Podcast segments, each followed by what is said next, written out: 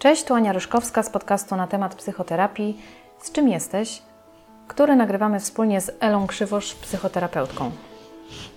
Naszym pierwszym działaniem w ramach tego projektu e, było nagranie rozmowy, wideo rozmowy w gabinecie Eli. E, z technicznych względów e, to nagranie nie spełniło naszych oczekiwań, ale postanowiłyśmy to wykorzystać, to co wtedy mm, udało nam się nagrać i udostępnić w formie takiego odcinka do odsłuchania, mm, będącego wprowadzeniem do z czym jesteś, mm, tak abyś mógł posłuchać terapeuty, posłuchać uczestnika terapii i tego, co mają do powiedzenia na temat procesu psychoterapeutycznego, co daje terapia, co terapia zabiera, jak się e, zmienia relacja e, terapeuty z klientem w zależności od tego, w której się jest terapii. Myślę, że są to bardzo ciekawe e, zagadnienia. One są tak naprawdę zaznaczone tutaj My będziemy to wszystko jeszcze rozwijać, e, uszczegóławiać. E, także jest to wstęp, jest to wprowadzenie, ale myślę, że w niektórych momentach bardzo ciekawy. Dlaczego psychoterapia to najwyższy akt odwagi? Opowiada Ela. Bo Twoje pierwsze pytanie, tak jak... Tak, Dlaczego robisz to, co robisz? Dlaczego robię to, co robię? Ja myślę, że moja praca jest częścią mojego życia. To jest taka bardzo duża część mojego życia. I też ta praca mnie definiuje i ja się definiuję przez tą pracę. Ja też nigdy nie, nie traktowałam tego jak misji. To wynikało z mojej ciekawości. A najpierw ciekawości siebie, stąd psychologia, a potem e, z ciekawości ludzi. Najbardziej fascynowały mnie na początku choroby psychiczne i zaburzenia osobowości też myślałam, że się tu będę specjalizować i pójdę w tą stronę. A psychoterapia to przyszła do mnie pierwszy raz, jak byłam na trzecim roku studiów i spotkałam taką osobę jak Sonia Geller. I ona mi zaszczepiła, yy, zaszczepiła mi tą myśl o psychoterapii. Pamiętam, miałam taki przedmiot, to była pomoc psychologiczna. I pierwszy raz nagrywałam na kasetę, jeszcze to była chyba kaseta jeszcze. Na kas... Nie, już chyba nie nie pamiętam. No w każdym bądź razie e, nagrywałam swój pierwszy taki wywiad psychologiczny i wtedy Sonia powiedziała, ty to masz talent. Ty jakby tak potrafisz taką empatią wejść w, w, kontakt. Zastanów się, czy to nie jest, czy to nie mogła być twoja ścieżka. Mhm. E, a e, że Sonia mi bardzo imponowała, bo ona też zajmowała się uzależnieniami, które tam wtedy też mi były bardzo bliskie w tamtym okresie życia.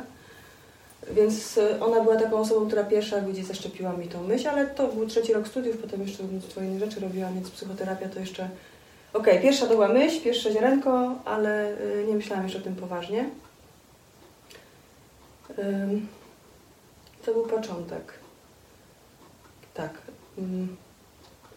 Psychoterapia tak przyszła do mnie w momencie, kiedy już pracowałam z ludźmi jako psycholog, psycholog kliniczny i w szpitalu trochę i z osobami przewlekle chorymi psychicznie, którzy mieszkali w, w takim domu.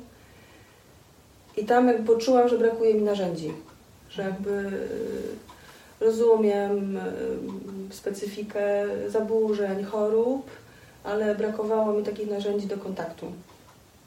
I wtedy postanowiłam, że pójdę do szkoły psychoterapii e, i z premedytacją wtedy wybrałam szkołę integracyjną, ale z taką myślą, że ok, jeszcze nie wiem w jakim tam nurcie się będę dobrze odnajdywać, więc wybieram integracyjną, to sobie trochę popróbuję siebie w różnych, y, y, w różnych teoriach i różnych nurtach terapeutycznych. No i jak poszłam do szkoły Jurka i Zosi Melibrudów, no to tak już na dobre w to wsiąkłam, tak? Jakby że to było takie przygotowanie bardzo merytoryczne było super, ale też to praktyczne było bardzo istotne i, i no i wtedy poczułam to, że poczułam, że chcę to robić, że, że to jest... Yy... Ale cały czas nie myślałam w kategoriach misji, że ja coś zrobię, że bardziej o misji to myślałam, jak pisałam pracę magisterską, jak pisałam o zaburzeniach osobowości, a potem jak pracowałam z osobami chorymi psychicznie, to wtedy bardziej myślałam o misji, że coś, coś tutaj, jakąś teorię, jakiś sposób, jakieś strategie pracy z tymi ludźmi. Ale tu też mi jakby ten, jakby ten y, taki idealizacja jakby też y, tej ścieżki naukowej no tak, zderzyłam się szybko z rzeczywistością i stwierdziłam, że to nie jest coś, co, co, co jestem w stanie robić, bo mój temperament też na to nie pozwala, bo ja nie, nie umiem wysiedzieć, żeby być Mhm. tak, jakby coś, czymś dłubać, tylko potrzebuję być w kontakcie. No i mi to, zaczęło mnie to pociągać i wtedy też odkryłam, jak zaczęłam coraz bardziej wchodzić w kontakt yy, z ludźmi, zaczę- zaczynałam już pracować jako terapeuta, już na drugim roku yy, psychoterapii już pracowałam jako psychoterapeuta, yy, to bardzo mi się przydała moja cecha yy, wrodzona, chyba, to takie wścibstwo. Myślę, że jakby, że terapeuta, który nie ma wścibstwa, nie jest, nie jest ciekawy, ciekawy człowieka, nie jest ciekawy wejścia w jego świat, no to myślę, że może mieć problem z wejściem w głębszy kontakt i, i takie zaufanie zbudować z klientem. I to wścibstwo mi pewnie czasami bywam, bywałam bezczelna też jakby w tym takim dopytywaniu, ale to nigdy nie wynikało z chęci, nie wiem, to wścibstwo, bo bardziej potrzebowałam do takiego szerszego, głębszego zrozumienia, co się dzieje w świecie klienta. Mhm. I jakby to jest taka moja metoda chyba, tak? że jak już wchodzę w kontakt z y, klientem, to to y, wścibstwo powoduje, że ja jakby, jakby zaczynam bardzo szybko być w świecie klienta i myślę, że to jest chyba taka, to jest chyba taka, taka najlepsza ścieżka do, do zbudowania kontaktu i do zbudowania relacji. Ja to głównie pracuję z osobami z syndromem DDA, DDD. Sama też jestem y, dzieckiem z, z rodziny dysfunkcyjnej i y, wiem, że dla nas, dla takich osób, y, to, że ktoś jest z nami żywo zainteresowany i prawdziwie zainteresowany, to to jest y, bardzo duża wartość. I myślę sobie, że też takich osób z syndromem DDA, DDD też nie da się oszukać. To są też osoby, które jakby wyczują to, czy ta, y, czy ta ciekawość jest autentyczna, czy nie. No więc myślę, że to było takie najbardziej...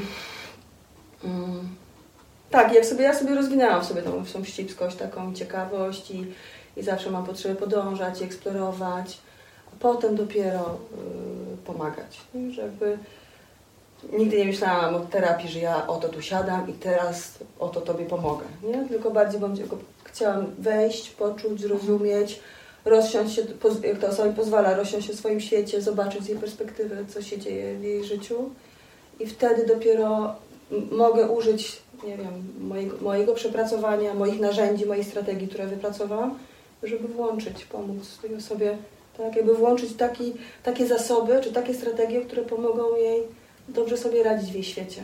Mhm. Mhm. No więc to tak to u mnie wygląda, jeżeli chodzi o psychoterapię. Ja, i dlaczego, dla, dlaczego to robię? E, Robisz to już dobrych kilkanaście lat. E, Tak, robię to już ponad 12 lat. Rozwijasz się. Mhm. e, stale jakby podnosisz kwalifikacje, jeśli chodzi o teorię, ale Mhm. też e, ta praktyka u Ciebie. Wiem ja i, i Twoi klienci, jak, jak dużo zdajesz z siebie e, terapeutycznie, tak właśnie w gabinecie. A powiedz, czy, czy w pracy terapeuty można powiedzieć, że jest jakieś miejsce, nie wiem, na satysfakcję, na takie poczucie, że, że robisz coś dobrego dla, dla ludzi, że im pomagasz? Czy to jest wieczna właśnie frustracja, że im dalej, im głębiej, tym trudniej i boli? Jak to wygląda? Ha. Myślę sobie, że y, w ogóle poczucie satysfakcji w tym zawodzie terapeuty y, może być bardzo ym, chcę powiedzieć zdradliwe, no, takie słowo przychodzi na myśl. Ale fakt, że nie, może powiem o swoim doświadczeniu. Za każdym razem, kiedy dostaję taki bardzo pozytywny feedback od mojego klienta, tak, że mu pomogłam, yy, to ja zawsze, już teraz wiem, kiedyś tego nie wiedziałam, ale jakby teraz potrafię sobie powiedzieć, że to jest na tu i teraz. Teraz dostaję tak, ten, ten feedback, y, w którym jest wdzięczność, w którym jest właśnie poczucie y, tego klienta, tak, jakby już sprawczości, mocy, że on już jakby sobie radzi, ale wiem, że to na teraz to dostaję, tak, ale że ym, uważam, że w tym zawodzie nie należy się przyzwyczajać do takiego poczucia, że oto ja mam tą moc i sprawiam, że ta osoba dzięki mnie lepiej funkcjonuje. Nie, bo ona myślę, że teraz, w tym momencie, dzięki mnie może, ale czasem dzięki mnie, ale zwykle to jest 80% pracy klienta, 20% terapeuty, ja tak uważam. To ona, okay, jakby ona mi zaufała, pozwoliła mi wejść do swojego świata, zostawić moje strategie, moją perspektywę, mój punkt widzenia w tym momencie. Tak? Jakby w tym momencie jej mhm. pomogłam i ona jakby czuje. Ale nie przyzwyczajam się do tego, tak? bo życie e, przynosi nam różne doświadczenia i może za chwilę, okej, okay, ta osoba już ma jakieś zasoby, korzysta z tych zasobów, tak? ale może być takie doświadczenie, które jakby od nowa tworzy kolejną perspektywę tego klienta, nowe, nowe wątki do przepracowania, przyniesie nowe cierpienie, nowy ból. I ten klient może przyjść jakby tak za następnym razem. Okej, okay, gdzieś ma doświadczenie, że pomogłam, ale przychodzi z kolejnymi wątkami, na które ja, i wtedy ja nie widzę klienta, który jest usatysfakcjonowany, tylko widzę klienta, który znowu przychodzi do mnie ze swoim bólem, swoim cierpieniem, z odsłoną, nową odsłoną swojego, tak, swojego doświadczenia znowu na, na, na tu i teraz. Ja mam też tak y, często, że jak dostanę bardzo pozytywny feedback, tak na przykład dostaję i mnie to karmi, się tym cieszę, to moi klienci też bardzo dbają o to, żebym za bardzo nie odfrunęła, bo są też tacy klienci, którzy potrafią mnie przywołać, mnie uziemić i też mi mhm. pokazać jakby też moje ograniczenia, tak? moje trudności, mm, moją czasem nieuważność, tak? jakby czasem moje roztargnienie, y, czasem moją bezrefleksyjność. I, I, dziękuję Bogu i też tym klientom, że, to, że, tak, że też takie doświadczenie mam, bo dzięki temu to mnie uziemia, tak? Jakby y, nie, od, nie odpływam, nie odfruwam i zawsze jakby to pokazuje mi, co dalej mam ja do zrobienia, tak? I też jestem bardzo wdzięczna moim klientom, że oni też jakby taki trudny feedback też do mnie kierują, pokazują mi, no, że okej, okay, to dostałam, ale wiesz, jakby w tym obszarze to nie do końca czuję satysfakcja, bo nie czuję do końca, że się usłyszana, widziana, tak, przyjęta, zaakceptowana, zrozumiana. Tak? Że też, taki, też takie feedbacki dostaję i biorę sobie je do serca. Bo to myślę, że to jest jakby bardzo istotne. Jakby nie, staram się nie, nie umniejszać, nie negować, nie dyskutować, tylko przyjmuję jakby to, z czym mój, mój klient do mnie przychodzi. Znamy się trochę, znamy się głównie z terapii, e, w zasadzie tylko z terapii. Teraz prowadzimy, rozpoczęliśmy projekt, e, zobaczymy też jak to, jak to mhm. będzie szło. E, ale wydaje mi się, że już jak prowadzisz tą pomoc, tak? prowadzisz terapię z człowiekiem, czy z indywidualną, czy grupową, to dzieje się bardzo dużo w człowieku i tak jak mówisz, 80% pracy jest po jego stronie i może tak jest rzeczywiście, bo na koniec dnia to, to klient zostaje z tym, z czym do Ciebie przychodzi. Ale co chcę powiedzieć, um, często zastanawiam się, jaką Ty masz na sobie odpowiedzialność um, za tak naprawdę przyjmowanie trudnych treści i doświadczeń ze strony klientów tak jak mówisz, musisz na to nałożyć jakieś narzędzia. Czasami to jest takie stawianie trochę diagnozy, jak, jak lekarz na stole operacyjnym, że no, no dobra, leczymy to. Albo tak, idziemy w tą stronę. Tak, idziemy w tą mhm. stronę. No pewnie dzieje się tak, że no jest różnie, że, że może się po jakichś tam, nie wiem, tygodniach, miesiącach, czy nawet latach okazywać, że, um, że coś było słuszne, a, a coś zostało gdzieś tam, prawda, pominięte albo zbagatelizowane. Więc ta odpowiedzialność na Tobie, która, która jest, e, zastanawiające jest to, jak, jak ona jest duża i jak sobie z tym radzisz. No właśnie, to może kwestia odpowiedzialności. Ale poczekaj, ale to mówisz o takiej odpowiedzialności, w której na ile ja mogę, nie wiem, na ile ja odpowiedzialność za moją niekompetencję? Nie, za środki jakie i narzędzia, jaką, jak, jakich używam, tak? tak? Strategię leczenia. Że, że mogłam, a, mogłam iść tą ścieżką, a mhm. poszłam tą ścieżką. Ja ten dylemat rozwiązuję w ten sposób, bo właśnie wchodząc w ten świat klienta i yy, słuchając uważnie, tak jakby powtórzę słowa mojego yy, mentora Jurka Melibrudy, który yy, kiedyś dawno temu jeszcze w szkole powiedział, że psychoterapia to jest koronkowa robota. To znaczy, że wszystkie odpowiedzi są w kliencie i klient dokładnie mówi to, czego potrzebuje, czego chce. Mhm. Moim zadaniem jest to wyłowić tak, i podać mu w tym momencie, kiedy tego najbardziej będzie potrzebował, żeby to mogło do niego wrócić Aha. z innej perspektywy. Tak? Myślę, że to o to chodzi. No to... I okej, jakby nie, nie zawsze jakby jestem w stanie być tak uważna, żeby właśnie wyławiać te rzeczy i z tym wracać. Tylko ja też ufam mądrości klienta, tak? Że jakby nie, jego treści nieprzepracowane, które są głęboko w świadomości schowane i poprzez regres się wydobywają i się Mhm. w różny sposób manifestują, czy w postawie ciała, czy w fantazji, czy w przejęzyczeniu, czy w jego snach, tak? To jak ja to wyłowię i w odpowiednim momencie do tego wrócę i się tym zajmę, tak?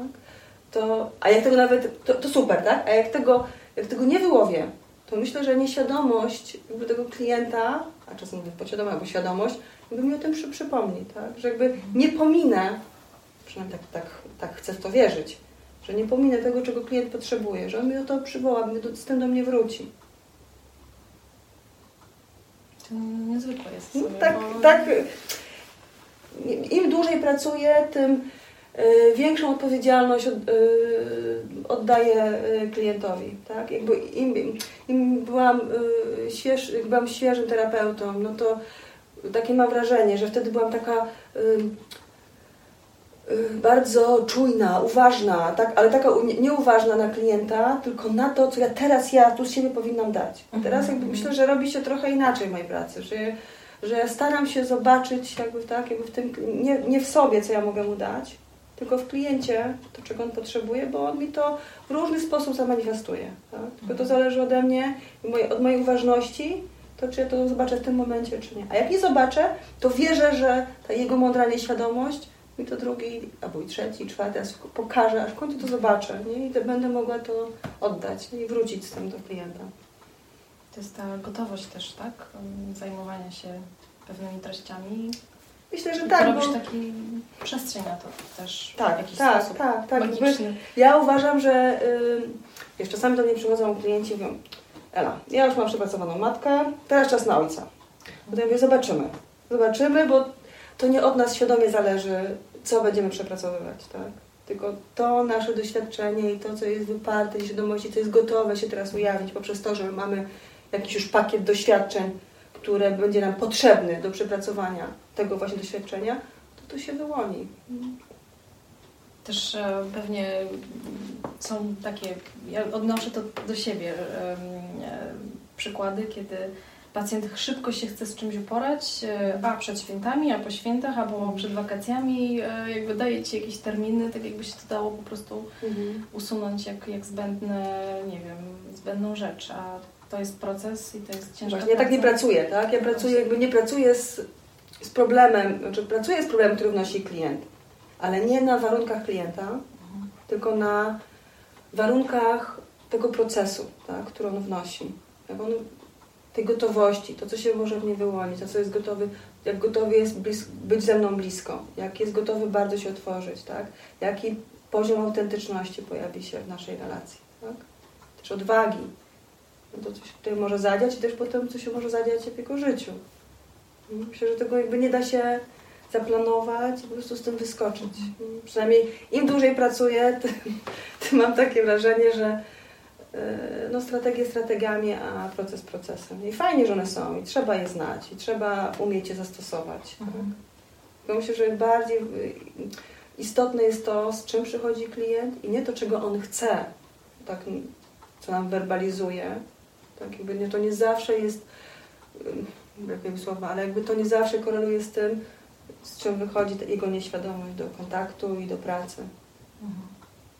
Myślę, że im, im klient bardziej świadomy, tak, tym jakby bardziej to, to czego chce, jest kompatybilne tak, jakby z tymi treściami nieświadomymi, a im jest mniej świadomy, tak, tym jakby ta rozbieżność może być większa. Tak. No, rozmawiamy tak o, o Tobie, o Twoim doświadczeniu mm, jako terapeuta, jako psychoterapeuta. Czy jest jakieś, jakaś różnica, czy to jest tylko językowa jakaś, jakiś skrót? Chyba nie. Chyba nie ma różnicy. Myślę, że Tak po- potocznie się zamienia chyba tak, tak. tak. Ja, myślę, myślę, że tutaj. Okej, więc e, klient, e, jak już gdzieś tam jest z Tobą, jak Cię pozna bliżej i tak dalej, ja odnoszę też to do siebie, tak? Jest bardzo ciekawy e, Twojej jakby pracy, Twojej strony, tego co Ty myślisz o nim, e, jakby, jak, jakie stosujesz właśnie metody. Trochę o tym już porozmawialiśmy, ale to nie chodzi o to, żeby, żeby odkrywać jakieś, jakieś zakulisowe rzeczy i, i, i Twoje know-how. No niemniej to jest taka wyjątkowa, myślę, okazja i myślę, że mogę zadać to pytanie. Jak, Pytaj, jak wygląda świat z Twojej perspektywy w relacji z klientem? W sensie, jak, jak to jest? Być po tej drugiej stronie. To zacznę od takiej anegdoty, zawsze mój mąż się za mnie śmieje. Ja jestem e, na zewnątrz, tak w kontaktach e, międzyludzkich, jestem bardzo surowa w ocenie e, różnych zachowań ludzi, postaw. ym, Jestem bardzo surowa wobec bezrefleks- be- bezrefleksyjności ludzi. E, Natomiast, no, no nie wiem, nawet czasem pokuszę, pokuszę się o jakąś ocenę, tak? kogoś ze świata polityki, czy że ze świata sceny, kultury, tak? No i potem zdarza się, że taka osoba przychodzi do, terapii i y, zmienia mi się totalnie percepcja. Jak do mnie przychodzi osoba do terapii, choćby, y, nie wiem, choćby miała nie wiem, jakby przychodzi, jakby nawet się przyznaje, tak, bierze odpowiedzialność, tak, Mhm. przychodzi i słuchaj, mam problem z tym, z tym, z tym i z tym, zachowuję się tak, tak i tak i chcę to zmienić. To w momencie, kiedy taka osoba do mnie przychodzi do terapii i siada w tym fotelu naprzeciwko mnie Mhm. jest gotowa, tak, jakby wziąć odpowiedzialność za swoje życie, to mi się zmienia o 180 stopni. Jakby mój klient po prostu to już nie dałabym nikomu na niego powiedzieć złego słowa, tak? Żeby po prostu walczę jak lwica, że po prostu to już jest mój klient, on ze mną pracuje i że to jest już osoba, która po prostu jest poza jakby y, tym bezrefleksyjnym y, społeczeństwie, tak? Jakby już jest poza tym.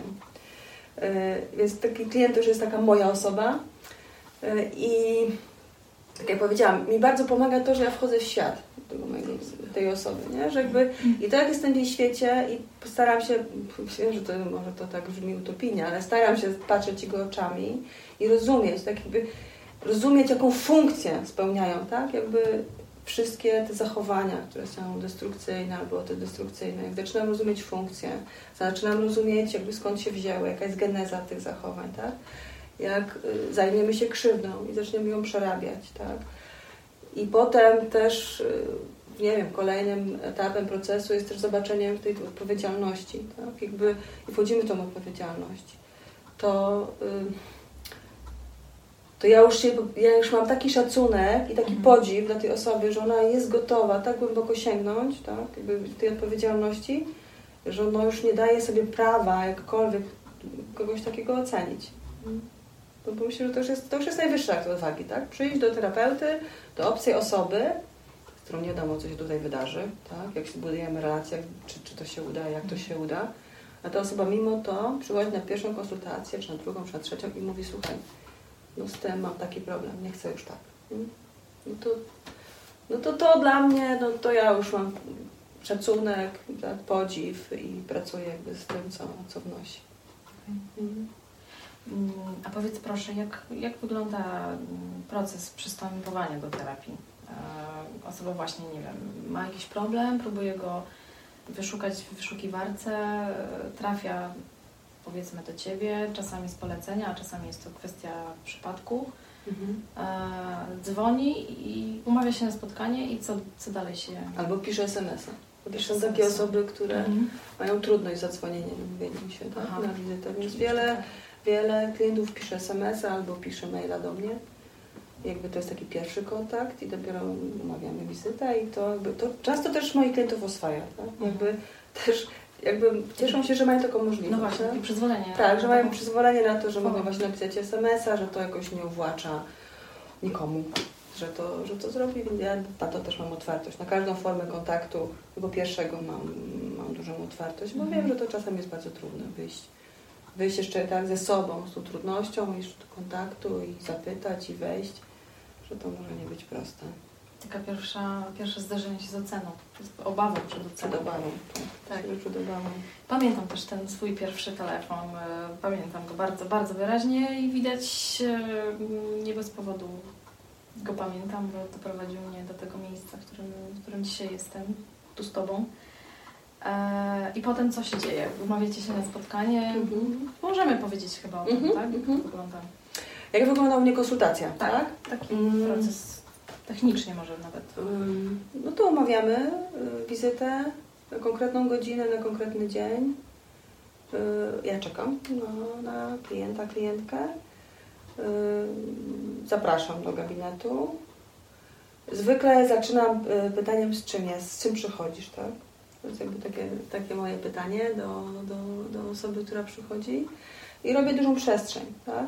Jak osoba ma trudność jakby też z definiowaniem tego, co się z nią dzieje, no to też najpierw odnoszę do, ją do tu i teraz, tak? Co się teraz z nią dzieje, Mhm. tak? W tym momencie jakby trochę oswajamy y, to, co się dzieje między nami, co się dzieje z nią w tym kontakcie i w kontakcie ze sobą. Jak potrafimy to zdefiniować, oswoić, no to wtedy pomału przechodzę to do pytań, tak? Pytam o, zaczynam od problemów, z jakimi boryka się ta osoba, na ile ona jest gotowa powiedzieć, tak? Albo sobie też nazwać. Jeżeli nie potrafi nazwać tych problemów, to proszę ją, żeby opowiedziała mi sytuację, w której właśnie czuję, że ten problem występuje, tak? To wtedy pomaga mi też zdefiniować ten problem, tak? I, to, i ten mechanizm, który działa, tak? I potem pytam, czy ten mechanizm się powtarza. Znowu odnosimy do konkretnych sytuacji, w jakich sytuacjach on się powtarza. Tak? Jak osoba, też pytam często o to, w jakiej jest na teraz, y, jaka jest jej sytuacja bieżąca na teraz, tak? z czym teraz jest, y, jak wygląda jej życie osobiste, jak wygląda jej życie zawodowe. I Też to tak badam, tak? na ile jest w kryzysie, a na ile jest y, w takich teraz bezpiecznej, bezpiecznym doświadczaniu siebie, nie? bo żeby też jakby zaoferować taki rodzaj pomocy, jaki będzie adekwatny do, do tego Mhm. momentu, w którym jest. Tak? Inaczej pracujemy w kryzysie, inaczej pracujemy, nie wiem, jak jest względnie bezpiecznie w naszym życiu i zrobiła się przestrzeń, żeby na przykład przepracować y, doświadczenie przeszłe. Tak? Mhm. Więc to też ma duże znaczenie, zawsze, zawsze o to pytam. Y, No i jak jest przestrzeń na to i gotowość osoby, która przychodzi na konsultację, zaczynam pytać o genezę. No, Wychodzę z założenia, że y, y, no ja tak pracuję, tak? Nie pracuję z, z problemem i, z, tylko i wyłącznie strategiami do tego problemu, tylko staram się dojść genezy i przepracować to u, u podstaw ten problem. I na ile ta osoba jest gotowa, to odnosimy tak, to do korzeni, do relacji z matką, z ojcem, rodzeństwem, jak wyglądała rodzina pochodzenia, jak wyglądało dorast, dzieciństwo, dorastanie, wczesna dorosłość, z czym wcho- wchodziła dorosłość, jak wyglądają jej związki, ym, przyjaźnie, jeżeli one, jak, jak, jak, jak, jeżeli ich nie ma, no to pytanie dlaczego, jak też ta osoba to rozumie. Mm. Na koniec konsultacji zwykle robię takie podsumowanie, y, tak, mówię co usłyszałam, mówię, pytam jak ta osoba czuła się w kontakcie ze mną. Y, Pytam jeszcze raz, jakby, co mogę dla niej zrobić, tak? Jakby, czy ona ma jakąś wizję, też o, o to pytam. Na początku pytam o problemy, ale też na końcu pytam o to, czy ona ma jakąś wizję, jak, czego by ode mnie oczekiwała, jak konkretnie mogę jej pomóc. Jeśli taka wizja jest, no to ja też od do niej się odnoszę. Na ile jakby mogę tą wizję zrealizować, w jakim obszarze, w jakim nie i dlaczego. Też odpowiadam na to pytanie. I potem ja też mówię, jak ja y, mam taką wstępną wizję pracy. Tak? Co mogę, jakby, co mogę zaproponować, może już takiej wstępnej nawet kolejności. Tak? To oczywiście wszystko jest w ramach takich moich hipotez, bo to jest sesja trwa konsultacyjna 50 minut, więc jakby też tyle, ile uda nam się też zobaczyć w tym doświadczeniu klienta. I zwykle proszę, zwykle potem też umawiamy się na to, że ja przez maila wysyłam taki kwestionariusz, y, w którym bardzo szczegółowo wypytuję o ten kwestionariusz wypytuje o funkcjonowanie Mhm. tak, klienta, klientki. I y, proszę też takie zastanowienie się nad jak ta osoba mówi, że nie, no ona już od razu chciałaby pracować, że już jest gotowa, to też, też proszę, żeby dopiero po wypełnieniu tego kwestionariusza by też podjęła ostateczną decyzję, czy chce ze mną Mhm. pracować. I wtedy na drugiej konsultacji już potem z tym kwestionariuszem ustalamy szczegółowo jej cele pracy i zakres, jakim będziemy pracowali i zaczynamy pracę. No jeszcze muszę powiedzieć, że czasami proponuję terapię indywidualną, czasami terapię Właśnie. grupową, tak? Bo y, są osoby, które potrzebują tak, najpierw popracować w kontakcie indywidualnym, tak? Jeszcze oswoić, jakby skontaktować się ze sobą, pogłębić y, samą świadomość, spotkać się w, w kontakcie z terapeutą, tak? zbudować bezpieczeństwo, zaufanie. No? Ale są Mhm. osoby, które przychodzą i mają już potrzebę przyjść pracę na, grupę, na, na grupie. To jest, terapia grupowa jest terapią trudniejszą, tak? ale też jak patrzę na swoje doświadczenie, to też jest dużo efektywniejszą pracą. Tak? No i w zależności od jakby potrzeb i też możliwości Mhm. klienta wybieramy optymalną opcję dla pracy.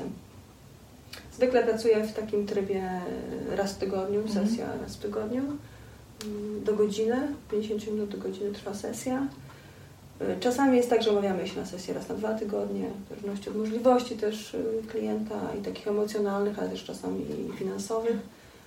Y, No to też jakby zawsze sobie tak staramy się, żeby, żeby ta, ta praca miała sens, ale też była tak optymalna, do, dopasowana do, do klienta.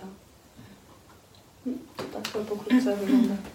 No każda konsultacja też jest inna, tak? To jakby ja mam jakiś taki szablon, tak? Ale nie zawsze mogę go też zastosować, bo, bo klient przychodzi w różnej formie e, psychofizycznej i, Mhm.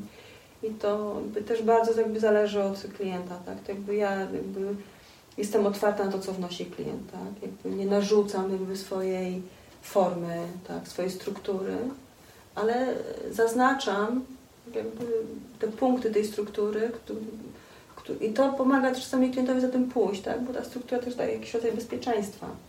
Ale jakby też tego nie narzucam. Jakby pokazuje, że możemy w ten sposób pracować, tak? albo w ten sposób możemy tą sesję przeprowadzić, ale to i tak klient ma tutaj pierwszeństwo w decydowaniu o tym, jak chce ze mną pracować, z czym chce wyjść. Tak? Ja mogę zaproponować, ale to i tak zawsze klient będzie o tym decydował. Rzeczywiście, rzeczywiście tak jest i to jest też element, wydaje mi się, terapeutyczny. Bo ja pamiętam, sięgając pamięcią te kilka lat wstecz,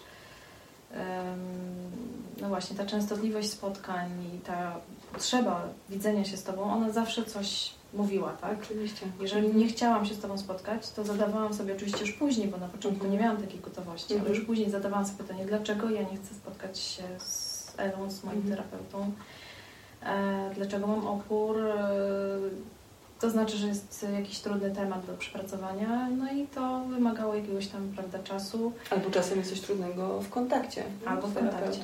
Mhm. albo w kontakcie, tak. E, No ale to, to, to wiadomo, że to już jest e, na dalsze mm, nasze dywagacje, myślę, bardziej szczegółowe. Pewnie, tak, pewnie. E, Ale to jest ważne, ta częstotliwość kontaktu z Tobą jest niezwykle istotna i to, że Ty dajesz wolną jakby przestrzeń tutaj na to. Nie narzucasz, a klient w jakiś sposób sam, e, sam o tym decyduje, to też e, bardzo... Czy ja zgłaszam, co jest optymalne, nie? co Mhm. jest dobre dla Ciebie, tak? Tak. albo co mi się wydaje w tym momencie, że dla Ciebie dobre. Ale to Ty zdecyduj. Tak, ta decyzja to To. Ty zdecyduj, bo to jest Twoja terapia. Tak. To jest Twoje życie, Twoje doświadczenie. Ja po prostu jestem otwarta na Ciebie. To są takie trochę podwaliny właśnie brania odpowiedzialności za siebie, za swoje Mhm. decyzje. Takie pierwsze u osób, które jakby mają z tym jakąś trudność.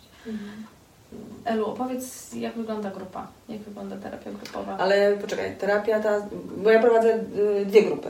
Prowadzę A, grupę, no tak. grupę podstawową DDA, DDD dla osób z rodzin Mhm. dysfunkcyjnych y, i prowadzę grupę zaawansowaną, w której praca się skupia głównie na procesie grupowym i na relacjach interpersonalnych i przepracowujemy tam schematy interpersonalne. Mhm. To są dwie różne grupy. Pierwsza grupa to jest terapia regresywna, czyli jakby wchodzimy, y, wchodzimy w taką pracę pogłębioną, czyli to właśnie to przepracowanie dzieciństwa, dorastania. Mm, Regres polega na tym, że puszczają mechanizmy obronne i możemy zająć się tym doświadczeniem, tak, mm, które jest mocno przykryte, y, nieprzepracowane, a które wpływa cały czas na nasze życie y, w dorosłości. Y, Czy chcesz, żebym więcej powiedziała, tak? O tym, jak. Tak, mów, mów to, co uważasz. Okej, ym, To też ma znaczenie. bo terapia grupowa, ta pierwsza, ta podstawowa, ona, ten program jest rozpisany na 9 miesięcy. To jest mój program autorski. Budowałam go wiele lat, bo prowadzę już grupę ponad 10 lat. Y, I ten program, on podlegał mo- modyfikacjom przez wiele lat y, i te modyfikacje wprowadzali moi klienci, tak? moje grupy. jakby uczyłam się od grup cały czas, jakby jak ten program skonstruować w taki, y, zbudować y, tak ten program, żeby on był optymalny dla osób właśnie y, z syndromem DDA, DDD. Mam nadzieję, że to mi się udało.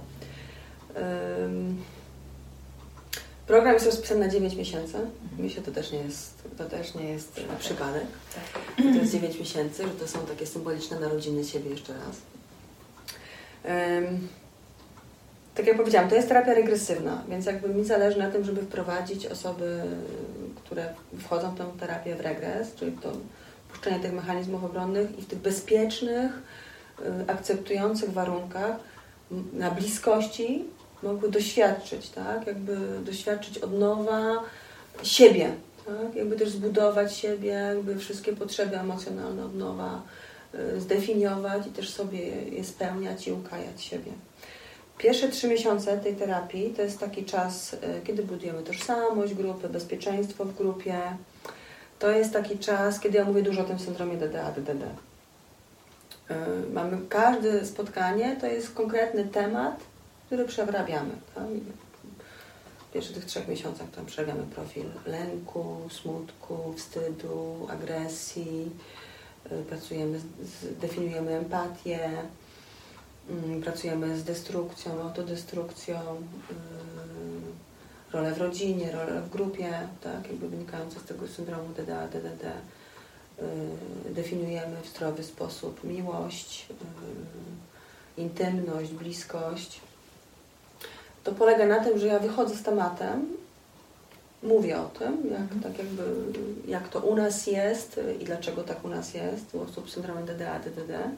I każdy z grupy, na ile jest gotowy, odnosi się do tematów, które ja wnoszę. No nie ukrywam, że jestem wymagająca w terapii i oczekuję dużej współpracy i zaangażowania. Oczekuję, że też grupa będzie odrabiać prace domowe. Tak na każde zajęcia proszę, żeby każdy się przygotował. Mówię, słuchajcie, na za tydzień przygotujcie na przykład lęki.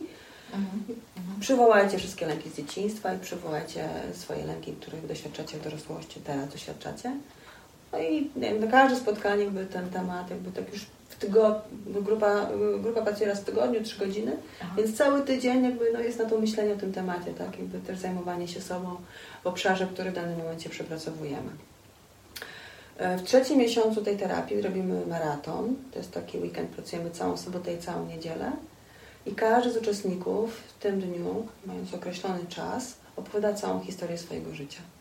Też do tego się przygotowują uczestnicy, bo już tam w drugim miesiącu terapii też daje takie dokładnie, yy, bardzo precyzyjnie przemyślane wytyczne do pisania tego życiorysu. Tak? Jak piszemy genezę, czyli jak wyglądały nasze rodziny pochodzenia, tam do drugiego, trzeciego pokolenia, czasami się odwołujemy w niektórych tam konkretnych obszarach.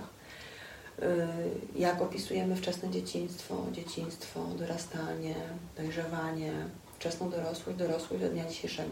Tak? Jakby taki, taką przekrój przez całe życie, tak, żeby zobaczyć, jak powstały schematy, mechanizmy obronne i dlaczego powstały i jak one potem się odgrywają już po tym życiu dorosłym. Tak? No bo też wyznaję taką zasadę, tak, żeby te mechanizmy i schematy, które powstały w dzieciństwie, dorastaniu, w tych rodzinach dysfunkcyjnych, no to one wtedy spełniały swoją rolę.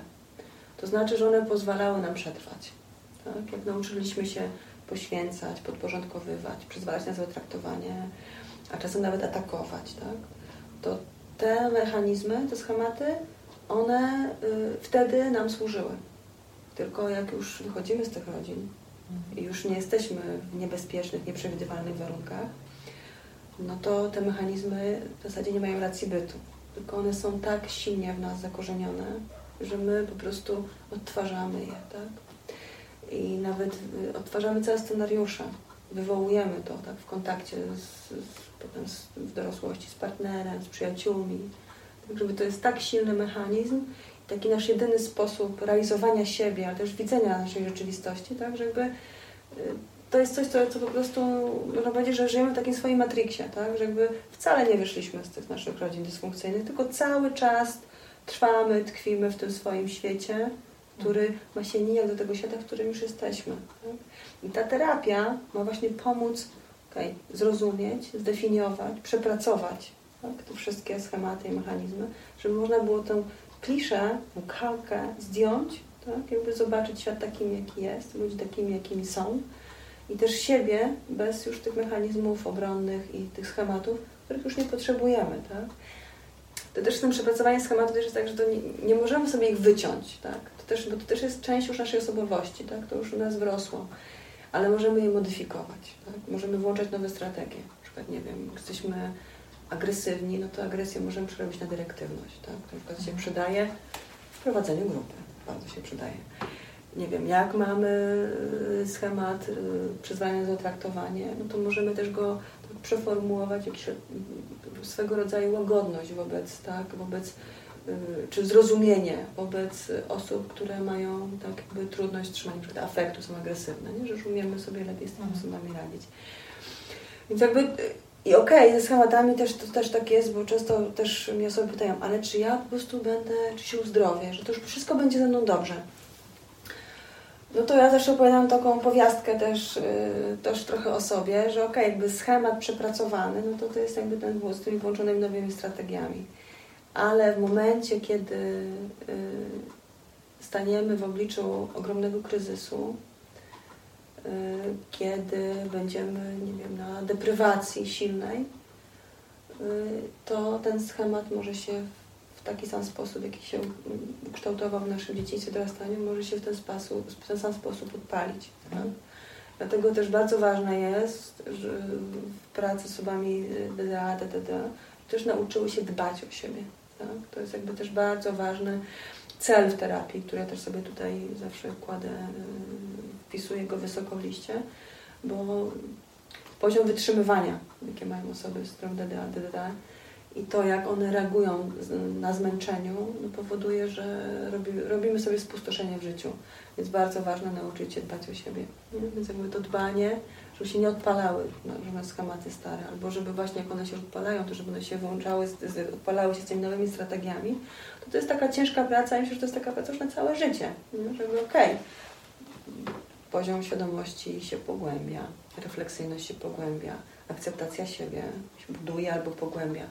Ale pewne nasze mechanizmy, no one jakby są już częścią nas, tak? Jakby też warto mieć taką też dużą pokorę wobec, no, też kwestii niezmienialnych w naszym życiu, tak? Pewne rzeczy nie zmienimy, tak? Jakby i wszystko zależy od tego, jak na to tak będziemy patrzeć, tak? Czy, czy to jakby patrzymy z perspektywy, że okej, okay, no to jest jakieś moje doświadczenie, to jest jakiś mój core, do którego się odnoszę, i też, ale też z szacunkiem, ale też, i też z pokorą. Także czasami wobec pewnych swoich ograniczeń warto też mieć pokorę, bo ta pokora pomaga też um, uczyć się łagodności do siebie tak? i też potem do świata.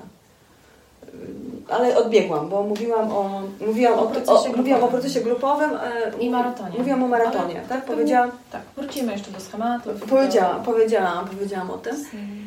E, I od momentu maratonu to jest, y, y, to właśnie wchodzimy w ten regres, czyli jakby puszczamy te mechanizmy obronne i już pracujemy na, już tu mamy w grupie zbudowane bezpieczeństwo, akceptację, jest duże zrozumienie, też na początku terapii spisujemy kontrakt, tak? mamy ścisłe zasady, które się trzymamy, nie, nie atakujemy, nie moralizujemy, nie oceniamy, nie wartościujemy itd., tak itd. Tak I oczywiście no jakby każdy z nas poprzez to, że tutaj też się wydarzają bardzo ważne, silne procesy, gdzie się czasami włączają te schematyczne mechanizmy i zaczynamy oceniać, moralizować, atakować. No ale wtedy mamy ten kontrakt, do którego się odnosimy, mówimy hej, hej, tu mamy taką zasadę, spróbuj to powiedzieć z pozycji ja, w taki sposób, żeby nie zranić, ale też się wyrazić w tym, co w danym momencie przeżywasz. No i jakby też jakby poprzez, poprzez ten kontrakt też się uczymy, tak, budować taki zdrowy sposób bliskość, tak? To jest też coś, co, czym osoby z syndromem DDA, DDD mają ogromny problem, tak? Budować w konstruktywny sposób bliskość, jakby przełamywać wszystkie lęki przed bliskością, które też jest cała masa i pewnie kiedyś o nich będziemy rozmawiać. I po tym maratonie, jak już na tym jesteśmy tak, takimi mandarynkami bez skórki, no to to jest taki czas pracy y, z wewnętrznym dzieckiem i z tak zwanym obiektem matki i ojca, który mamy zapisany w sobie. I na to też jest mnóstwo strategii, jak też jak to przepracowywać. Oczywiście tam jest mnóstwo literatury, którą ja polecam, żebyście czytali, mnóstwo zadań, które też macie robić. Y, tu na grupie pracujemy z wizualizacją, trochę pracujemy z różną, różnego rodzaju formą dramy, tak żeby też odreagować, uporządkować to doświadczenie, włączyć korektywne doświadczenia, takie ukojenia, ulgi, przyjęcia. E, pracujemy, pisy piszecie listy wtedy, tak? piszecie listy do swoich wewnętrznych dzieci w różnym okresie swojego dorastania, piszecie listy do rodziców, do obiektów matki, ojca, ale nie, nie piszecie ich do, personalnie do rodziców, mhm. tylko do rodziców obiektów tutaj zapisanych i pracujecie z tymi listami tutaj na, na, na terapii. I to są, bo tym martwień są, to są te kolejne trzy miesiące, to jest taki najtrudniejszy czas, gdyż wyzwala się dużo smutku, dużo bólu, dużo złości, tak, żalu, to poczucie krzywdy bardzo daje mocno sobie znać. I to, to też powoduje, że w tym etapie y, osoby będące w tej terapii są mm, bardzo mocno wycofane do kontaktów ze swoimi bliskimi na zewnątrz. Tak? Też jakby też na to wyczulam, że to jest czas terapii regresywnej, to jest czas tylko dla Ciebie. Tak? Że jak w nią wchodzisz, na nią się decydujesz, no to to jest te 9 miesięcy, czasem się trochę przedłuża. To jest taki rok, który, który jest dla Ciebie, tak? żeby nie masz zasobów, nie masz za dużo możliwości, żeby wychodzić do innych, do świata, dawać siebie, bo to jest czas, kiedy Ty dajesz sobie. I po tych trzech miesiącach, jak już to, to doświadczenie, y, nie chcę powiedzieć przepracowane, bo to jest za mało czasu, ale jakby to, to co jest najistotniejsze, jakby jest dotknięte, nazwane, zdefiniowane, ukojone, to też przechodzimy do kolejnego etapu, to już jest trzeci etap, takiego już konstytuowania tych przepracowań i włączania właśnie tych nowych strategii. I w tym trzecim etapie to yy, pracujemy z tożsamością, czyli od nowa definiujemy to, kim jesteśmy, tak? czego potrzebuję, czego pragnę, czego oczekuję, w relacji, jakie mam wartości, w relacji ze sobą, z innymi, ze światem pracujemy na, nie mówię, że to jest, że tej pracy jest dużo, ale też próbujemy zdefiniować schematy intrapersonalne, czyli to, jak funkcjonujemy sami ze sobą na schematach i też jak funkcjonujemy w schematach z innymi, tak, i schematy interpersonalne. No i tam przerabiamy tak, to wytrzymywanie, poświęcanie, wspaniałomyślność, podporządkowywanie, Y, przyzwalanie, złe traktowanie, dostrajanie, tam wszystkie te schematy, wysokie standardy osobiste, tam przykręcanie sobie te śruby, hiperkrytycyzm, tak, wszystkie te schematy, które bardzo silnie tak, utrudniają nam funkcjonowanie. Y, pracujemy też z instynktami, z bólem, głodem, pragnieniem, pożądaniem, bo jeśli mam, nie ma tego przepracowania, no to jakby te emocje, które przeżywamy, nie pójdziemy na terapię, one często są nadmiarowe, albo nieadekwatne. Nadmiarowe są dlatego, bo okay, mamy jakąś sytuację kryzysową, reagujemy na przykład gniewem, ale jeszcze mamy mnóstwo gniewu nieprzepracowanego z przeszłości. To do tej sytuacji kryzysowej mamy ten gniew do sytuacji i mamy całe kombo gniewu ze swojego dorastania i dzieciństwa, które jest wyparte. Więc reagujemy wtedy nadmiarowo. Tak? Nieadekwatnie też czasami reagujemy, bo nie, nie jesteśmy w stanie, jakby, tak jakby my źle odczytujemy pewne sytuacje. Czasami sytuacja, która jest y, neutralna, my ją odczytujemy jako wrogą wobec siebie. Więc mhm. jeżeli w taki sposób odczytujemy tę sytuację, no to też reagujemy emocjami nieadekwatnie. Tak? Ale to przepracowanie po, pozwala właśnie zacząć y, czuć adekwatnie i nie, nie wiem, ja mam teraz, jak powiedzieć, nienadmiarowo, to też adekwatnie, no. tak? Adekwatnie, adekwatnie do, do, do sytuacji w kontakcie ze sobą, tak? No i jak tak już tych emocji nie ma nadmiarowych, nieadekwatnych, no to wtedy możemy też jakby poczuć swoje instynkty. Tak? Jakby to, jak one biologicznie rzeczywiście, jak, jak temperamentalnie i biologicznie one funkcjonują w nas. Dopiero wtedy też odkrywamy tą głębszą warstwę siebie, my dlatego też zajmujemy się trochę instynktami. Tak? Pracujemy też e, ze swoją odpowiedzialnością. Tak, ja to nazywam, taka, to jest praca z cieniem u mnie. Tak? Mhm. Tak czerpię trochę e, z analizy jungowskiej.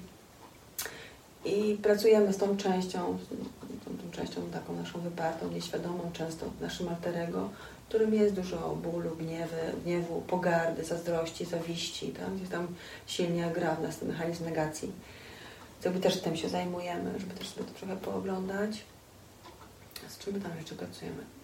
Pracujemy też z tendencją do współzależnienia i do uzależnienia. No tak, wszyscy tutaj siedzimy, to poprzez tą autodestrukcję, której tak dużo doświadczyliśmy, doświadczamy ze sobą, no to, to ona często, ta autodestrukcja prowadzi do uzależnień, więc pracujemy też, żeby oglądamy sobie, jakby, jaki mamy, jak, jakby, w jaki sposób y, regulujemy tak, emocje, których emocji nie potrafimy przeżywać ze sobą, takim jakim one są i sięgamy po używki albo po, po coś, co nas y, reguluje w taki sposób, żeby odciąć ten stan emocjonalny, który jest nie do zniesienia dla nas. Pracujemy też ze swoją seksualnością. Osoby z syndromem DDA, DDD mają tendencję albo do anoreksji seksualnej, czyli takiego kompletnego blokowania, wycofywania libido, albo do takiego rozhamowywania y, w tej sferze intymnej, co też często prowadzi do, do przeżywania ogromnej ilości wstydu, też niezrozumienia siebie, y, definiowania siebie w, w taki czasem bardzo okrutny sposób. Więc jakby też to przy, przyglądamy się do tej tendencji do uzależniania się od nowych i różnorodnych bodźców. To właśnie głównie się koncentrujemy na seksualności. Tak bo pokrótce to są takie główne tematy, z którymi pracujemy w tej terapii podstawowej. Wiadomo, jakby nie jesteśmy w stanie przerobić tych wszystkich treści, które ja tu proponuję, tak? Ale każdy z uczestników może się przejrzeć w tych treściach, zrobić, wziąć sobie z tego tyle, ile może, tak? Jak ten jego proces pozwoli. I ewentualnie po takiej terapii wrócić do tych wątków, które zostały poruszone, gdzieś pracują, tak? I ta osoba Mhm. czuje, że to jeszcze pracuje w nim, że to jest coś, z czym on potrzebuje się jeszcze zmierzyć.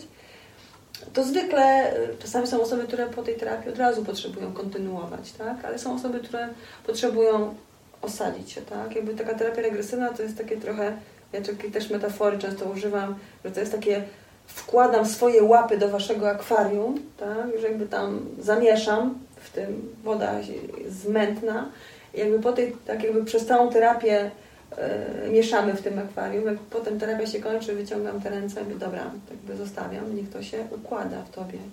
To wtedy od nowa jakby tak to wszystko osiada, osadza.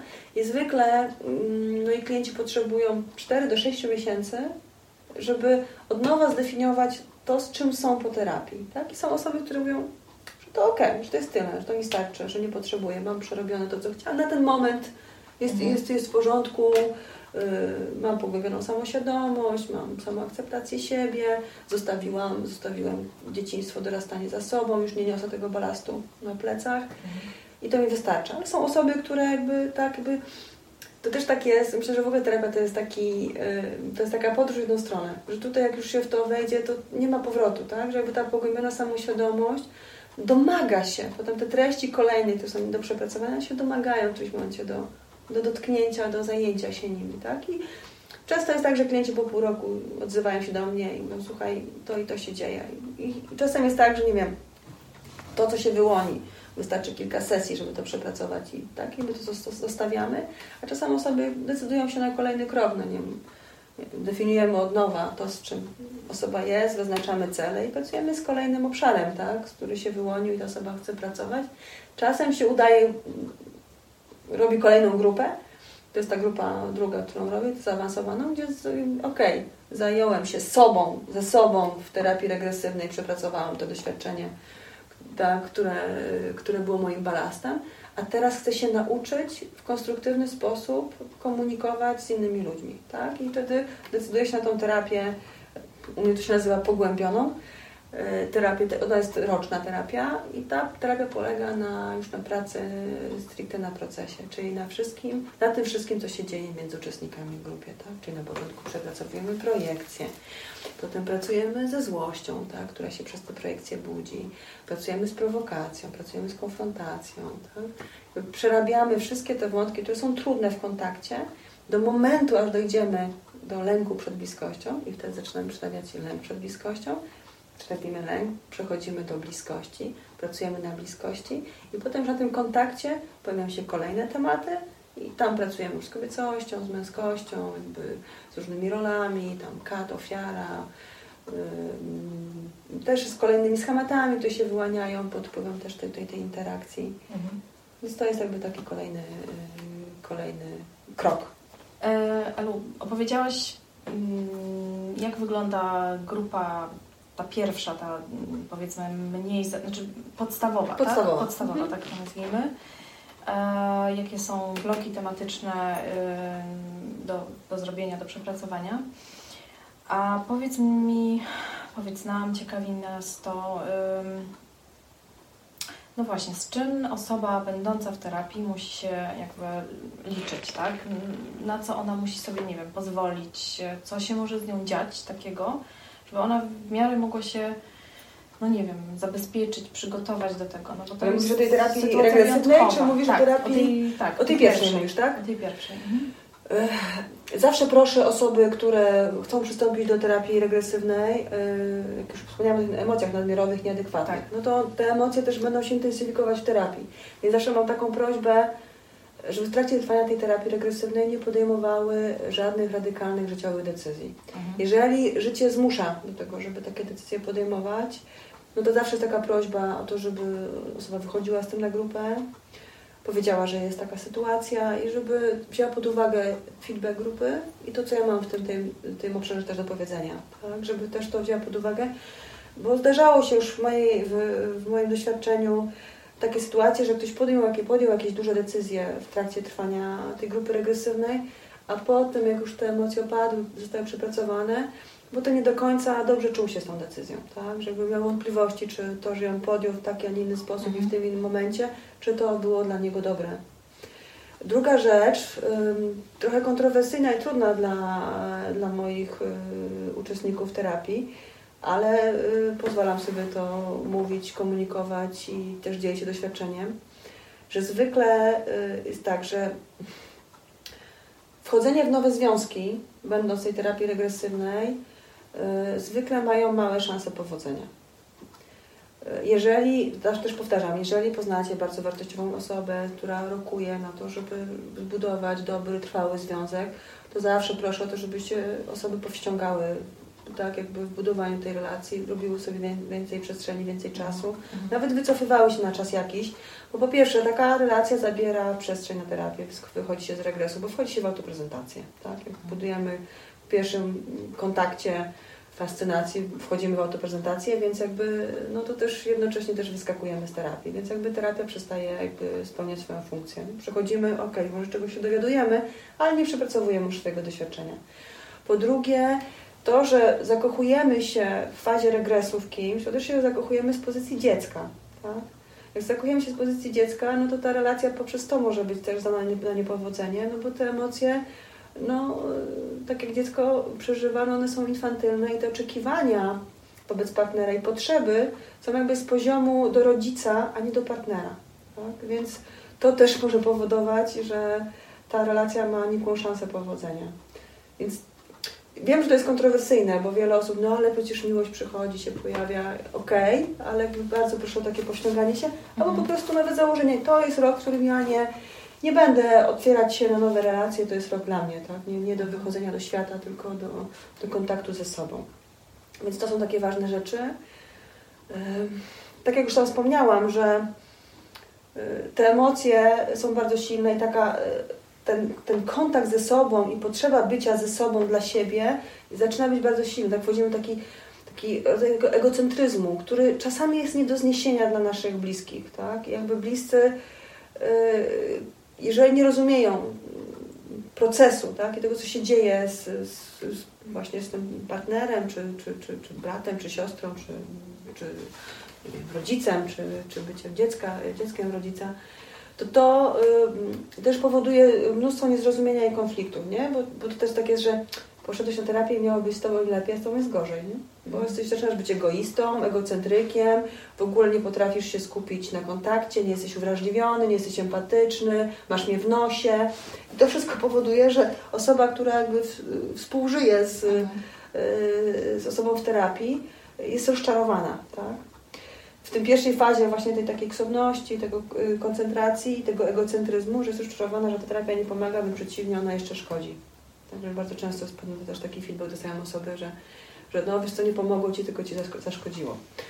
To też jest jakby, to też jest proces, to jest taka faza tego ego, egocentryzmu i ona jest bardzo potrzebna, bardzo ważna, bo jak przepracowujemy, nie wiem, schemat poświęcania siebie, to nie przepracujemy go, jak nie wejdziemy w fazę bycia egocentrykiem czy egoistą. Nie ma szans. Musimy po prostu odbyć ten drugi biegun, też tam się trochę rozsiąść, poczuć się, Mhm. zobaczyć się z tej perspektywy, żeby potem można było tak zintegrować i być pośrodku, tak? między tym właśnie tym egocentryzmem takim skrajnym, a tym poświęcaniem, tak? żeby postawić na siebie, ale nie krzywdząc, tak? czy nie odcinając, czy nie, y, nie uwrażliwiając się na, na osobę, z którą jesteśmy w kontakcie. Ale to też jest, to też jest proces, tak? I często. A jest jeszcze jedna rzecz, jakby już potem w którymś momencie, jak już wychodzą osoby z regresu, już są w tej trzeciej fazie pracy, tego konstytuowania siebie, to też y, osoby, które y, są partnerami osób w terapii, przeżywają dużo takiego lęku, bo widzą tą zmianę. Widzą to takie to stawianie na siebie, wyrazistość, tak? Bo osoby z syndromem DDA, DDA często przychodzą z takim br- brakiem poczucia tożsamości, tak? Jakby to jestem jest takie y, bardzo schowane albo niewyraźne, tak? Jakby terapia też powoduje, że osoby się tak właśnie krystalizują, tak? tak się konstytuują, tak się po prostu, tak? To też, to też wy, y, powoduje w osobach, które są w kontakcie czy w relacji z sobą w terapii, też to może wywoływać mnóstwo lęku, tak? I takie, że takie zdziwienie, że jak to, to teraz to będzie tak, to już będzie inaczej. No tak, będzie już inaczej, tak? Że jakby to, to nie jest też tak, że terapia zmienia y, radykalnie, diametralnie. Nie, myślę, że terapia po prostu ona wyłania y, tak, to, co jest w nas najlepsze. Tak? Że pokazuje to, co jest w nas najlepsze, czy możemy wyjść do siebie, do, siebie tak? i dać sobie co najlepsze, ale też co możemy dać co najlepsze do kontaktu. Mm? Tutaj też e, jakby wtrącenie ode mnie, że, że wydaje mi się, że terapia też pokazuje, co jest trudne, e, Mhm. to co jest w nas właśnie, to takie idące z cienia, Mhm. to, że... Jaka jest moja nienawiść, jaka jest moja pogarda, jaka jest moja zawiść, niechęć. Tak, Mhm. jaka jest tego czasami skala i, i że tak naprawdę wiele lat myślało się, że się było ofiarą, a, a bardzo jest cienka granica pomiędzy byciem ofiarą a, a katem. Ja od niedawna y, też y, już na grupie podstawowej, bo to też, też uczę się cały czas, nowe rzeczy pokazuję, to też jakby od niedawna bardzo mocno podkreślam osobom, które są w tej pierwszej terapii, że jeżeli jesteśmy na poczuciu krzywdy, to tym zawsze krzywdzimy. Mhm. Mm. Tak, Że każda ofiara potrafi być wyrafinowaną ofiarą. Tak? Jakby też z pozycji tego skrzywdzenia bardzo mocno uszkadzać i krzywdzić drugą stronę. Tak, także terapia obnaża też te nasze ciemne strony i no właśnie, myślę, że to jest taki już wysoki poziom zajmowania się z sobą i, i, i tym swoim doświadczeniem właśnie, odkrywania tych trudnych e, rzeczy, znaczy trudnych o, o sobie, takich niechcianych, Mhm. nie, nie, jakby nie, niemiłych, em, do czego jesteśmy zdolni, no ale to też zostawimy na, na jakiś, e, na kolejną rozmowę. Jeszcze odnosząc się do, mm, do tego, że terapia zmienia, tak? Terapia Mhm, zmienia mhm. osobę będącą w terapii, te, terapia zmienia Ja wolę słowo wyłania. Wyłania. Tak, Okej. bo zmienia to, e, wiesz, bo to często to też jest, jest takie oczekiwanie klienta, nie? Jakby przyjdę do terapii, że się zmienię. I na, często jest tak, że na ostatniej sesji tej terapii regresywnej, teraz ostatnio kończyłam grupę sobotnią, no to też taki był właśnie w feedbacku, wybrzmiewała taka treść, e, też osoby otwierają sobie pierwszą stronę, pierwsze zajęcia, moje problemy, moje cele w terapii, tak? Jakby na ostatniej sesji grupy tej pierwszej podstawowej wracamy do tych Mhm. e, naszych problemów, które mamy wypisane. I każdy, z- każdy z uczestników odnosi się, co się mu udało przepracować e, przez tam 9 miesięcy, czy tam czasem więcej, czy czasem rok. I ym, właśnie jest taka konkluzja, że osoby przyszły się zmienić, Mhm. ale na koniec, y, na koniec dnia okazuje się, że one się nie zmieniły, tylko że one odkryły? To, kim są. Mm. Tak. Więc to jest, to jest tak, to jest, tak, to, i to jest piękne, tak? Bo to też pokazuje, że, że jakby te oczekiwania czasami, jakie mamy, to też jakby to jakby na początku mieliśmy, że one są też totalnie y, nie, do, do, do siebie nawet nadmiarowe i nieadekwatne. Nie? I piękne jest to, że jakby na koniec przychodzi akceptacja to, kim jestem. Tak? Więc to też jest, y, to takie jest uwieńczenie. Mm. Okej. E, Okej, m- mówiłaś o tym, co się dzieje z osobą będącą w terapii, a właśnie co się dzieje z otoczeniem najbliższym, tak? Jakby Mhm. tu można jakby, nie wiem, przeciwdziałać albo jak się za, przygotować, tak? Przygotować te osoby najbliższe, rodziców, partnerów, nie wiem, nawet czasami współpracowników, bo, bo czasami trzeba gdzieś tam w pewnym momencie powiedzieć, ok, no nie wiem, dajcie mi spokój, odczepcie się, albo będę teraz, nie wejdę w ten projekt, bo, bo nie dam rady, nie pociągnę tego, bo jestem na przykład w terapii. Mhm. Czy jest jakiś, nie wiem, zestaw, model do, do, do takiej, takiego przygotowania się, tak? Ja myślę, że bardzo ważne jest to, żeby też, y, to też, jest, to też jest duża zmiana, żeby zacząć też mówić tak? O tym, co ja przeżywam w terapii. Każdy jest gotowy, ale też tak zachęcam. Czasami już tak się też dzieje, że, y, że osoby, które tak już uruchomią jakby też taki komponent w sobie tego otwierania się dla siebie, do siebie, do mnie, do grupy, to one też ten komponent otwierają do osób najbliższych, z którymi tak jakby którzy współpracują, bo pracownicy to pewnie to, to, to jest już daleko, za mocno idące, ale o rodzinie myślę, tak, czy osobach bliskich, że zaczynają mówić, co się z nimi dzieje, tak, i to już jakby daje taką pewną jakąś przejrzystość jakby tego, co, co, co te osoby przeżywają. Yy, To myślę, że to jest jakby istotne. Yy, Druga rzecz, yy, to też podkreśla, że to jest proces, tak, że to, jak my funkcjonujemy w terapii, to nie jest nasze funkcjonowanie, tak, to nie jesteśmy my, to jesteśmy my, z tej przeszłości zanurzamy się tam po to, żeby uporządkować tą przeszłość, żeby można było ją już zostawić za sobą. Tak? To więc to nie jest tak do końca o nas w tym momencie. Żeby też dać tej Mhm. osobie e, taką, e, tak jakby też taką informację, że to e, tak już nie będzie zawsze. No? Tylko, że to się dzieje w tym momencie. Nie? Że to proces jest płynny i on przechodzi w kolejne fazy. Myślę, że to warto mówić. Co jeszcze warto mówić w takim... mm, też terapia często powoduje, jak właśnie mówi się, jak, osoba, która jest w terapii, mówi o terapii, to ona też jakby zaraża tą terapią. Często jest tak, mam bardzo wiele przypadków osób, że przyszedł na terapię partner, y, tak, nie wiem, partner, a potem przyszła jego partnerka Mhm. tak, na terapię, że jakby to też tak zaszczepia, pobudza do czucia, do myślenia o sobie, tak, jakby się zwiększa ta refleksyjność, tak, jakby poprzez to, że wnosi ta osoba te treści, tak, które tutaj przerabia i to też pogłębia bliskość między tymi osobami, ale też jakby otwiera w osobie, która jeszcze nie jest w terapii, taką ciekawość, też jakby tak zajęcia się sobą. Też osoba w terapii bardzo obnaża te trudności, która ma drugą stronę, tak. Często jest tak, że przychodzi do mnie klient albo klientka i mówi, no ze mną jest nie tak, mój, mój partner jest taki zdrowy, a ja jestem taka chora. Ja tutaj zawsze mam- na to taką odpowiedź, że my zdrowych nie przyciągamy.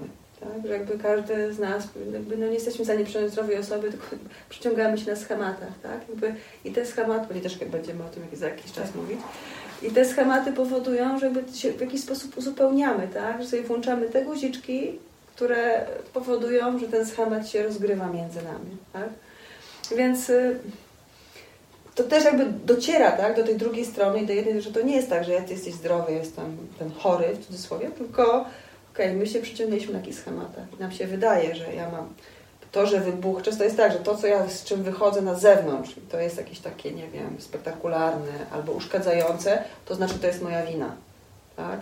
Ty z tym nie wychodzisz, to, to, to ty jesteś zdrowy ty jesteś czystym. To tak też to, to w terapii też dowiadujemy się, że jest akcja, jest interakcja, tak? Że jakby odpowiedzialność w relacji zawsze jest pół na pół. Tak? Że jakby oddziałujemy na siebie, więc nie możemy powiedzieć, że jedna osoba jest chora, a druga jest zdrowa. Nie? Że każdy z nas coś wnosi do relacji i ta odpowiedzialność jest taka sama. I to też odkrywają osoby i myślę, że to też jakby y, to potem dobrze też jakby rokuje w tym pogłębianiu, pogłębieniu relacji i jakby też jakby w takiej wykonaniu jakiejś pracy z drugiej strony. A powiedz mi, a razem też jakby prowadzisz terapie mm, partnerskie, tak, tak. małżeńskie? Tak, y, y, prowadzę, ale to, to nie jest jakby, jakby moja wiodąca, e, wiodąca ścieżka. Pracuję z parami, y, lubię to robić. Nie ukrywam, że lubię pracować z parami, które już przeszły terapię. Że jakby ta praca jakby ma jakość tej pracy, jakby jest y, i wartość jakby też tego procesu jest bardzo pociągająca. Y, Trudno mi się pracuje z osobami, które nie były w terapii, albo jest ta nierównowaga i jedna osoba była w terapii, a druga nie i nie zamierza, bo uważa, że wszystko z nią jest ok. Więc to jest, ta, to jest trudna praca. Y, Jak a propos pytasz o pary, to też jakby to muszę, na, muszę to o tym powiedzieć, y, że w terapii par ja zawsze pracuję na związek. Zawsze pracuję na związek i zawsze o tym mówię, że pracuję na związek. Co to znaczy? To znaczy, że pracuję na to, żeby, żebyście się dogadali, Mhm. a nie żebyście się rozstali. Tak? Jeżeli chcecie się rozstać, jak już para chce się rozstać, to ja nie do końca potrafię jakby sobie z tym y, radzić jako terapeuta i zwykle nie pracuję na rozstanie. Bardzo. Nie chcę być zawsze, no bo to nie, nie chcę używać takich słów, ale, ale zwykle nie pracuję. Tak? Żeby u mnie dla mnie też jest ważne to, że jakby widzę, jak przychodzi para i ona jakby, okej, jest bardzo źle między nimi, tak, dużo bólu, ale jak widzę, że jakby oni są cały czas skierowani na sobie, nawet tym bólu, nawet tej nienawiści, którą tak nawet definiują jako nienawiść, ale to jest do siebie nawzajem, to znaczy, że zawsze jest nadzieja. I że jakby, jak jest, jakby się dzieją emocje między dwojgiem ludzi, to znaczy, że jest nadzieja na to, że, one, że oni mogą uzdrowić i że, że chcą uzdrowić.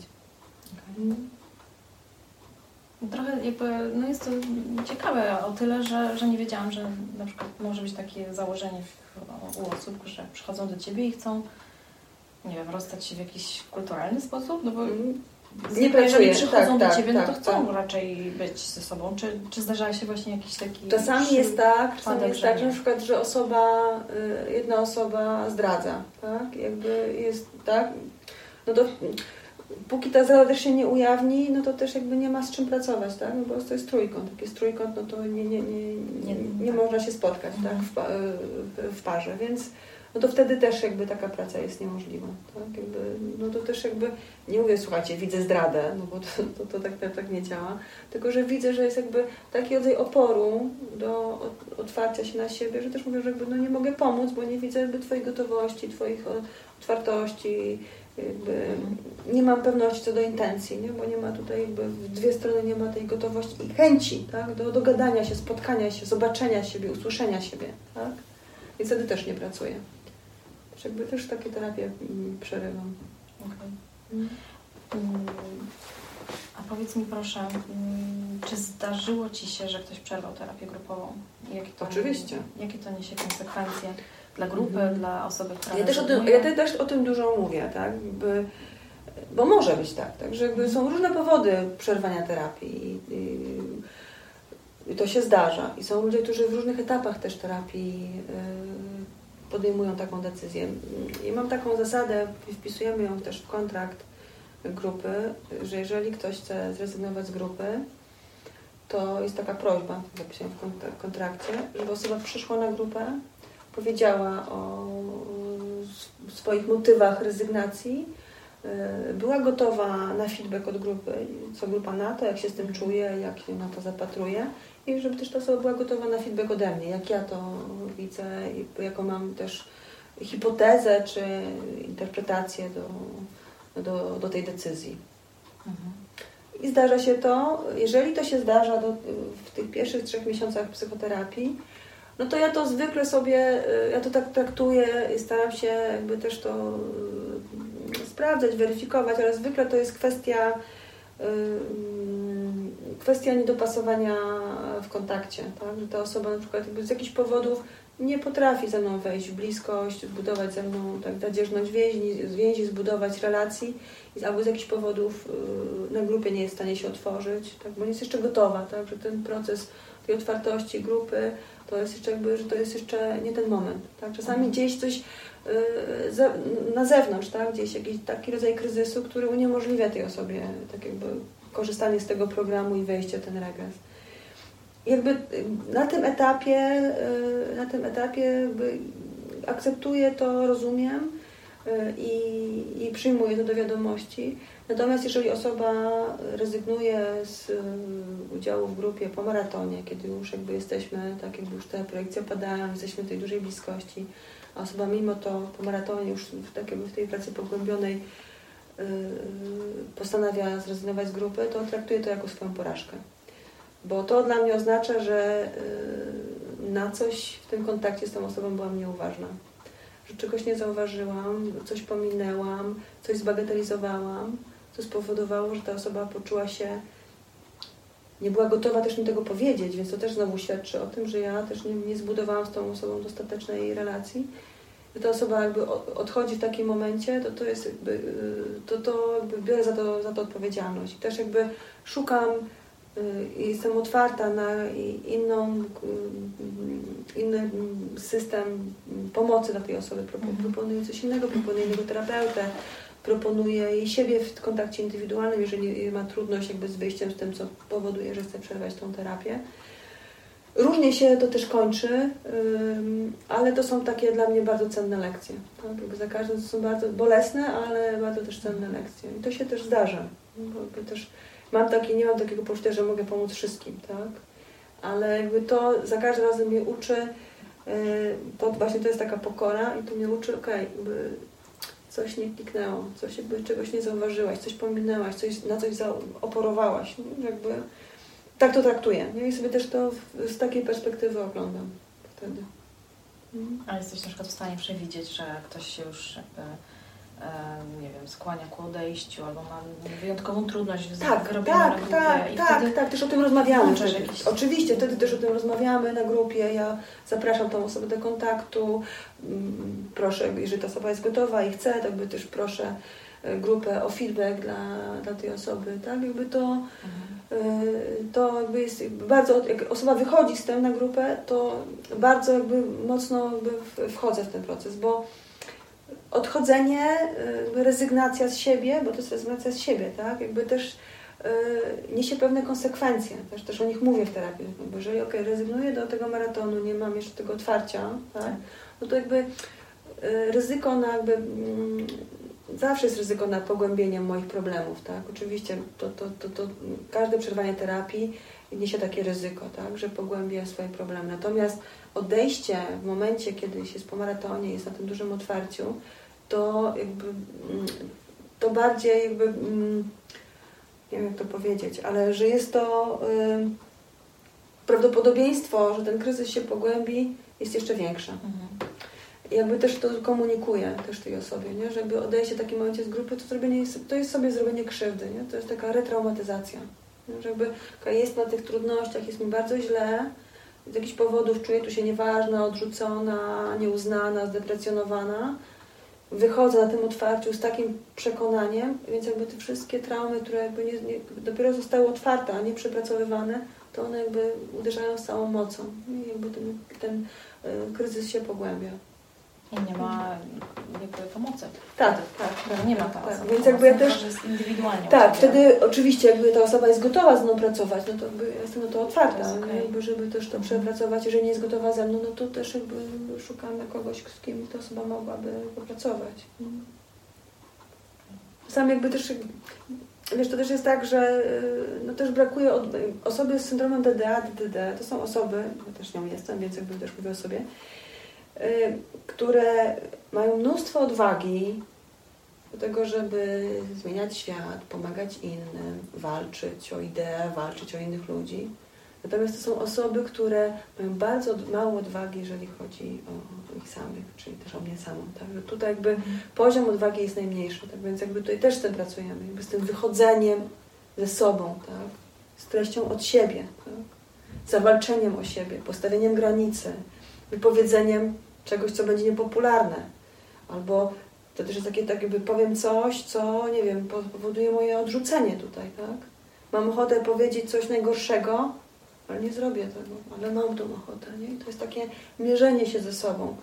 A często niewypowiedzenie, tylko ten niekonstruktywny sposób jest niemożliwe. To nie może być konstruktywny sposób spierdalaj, tak?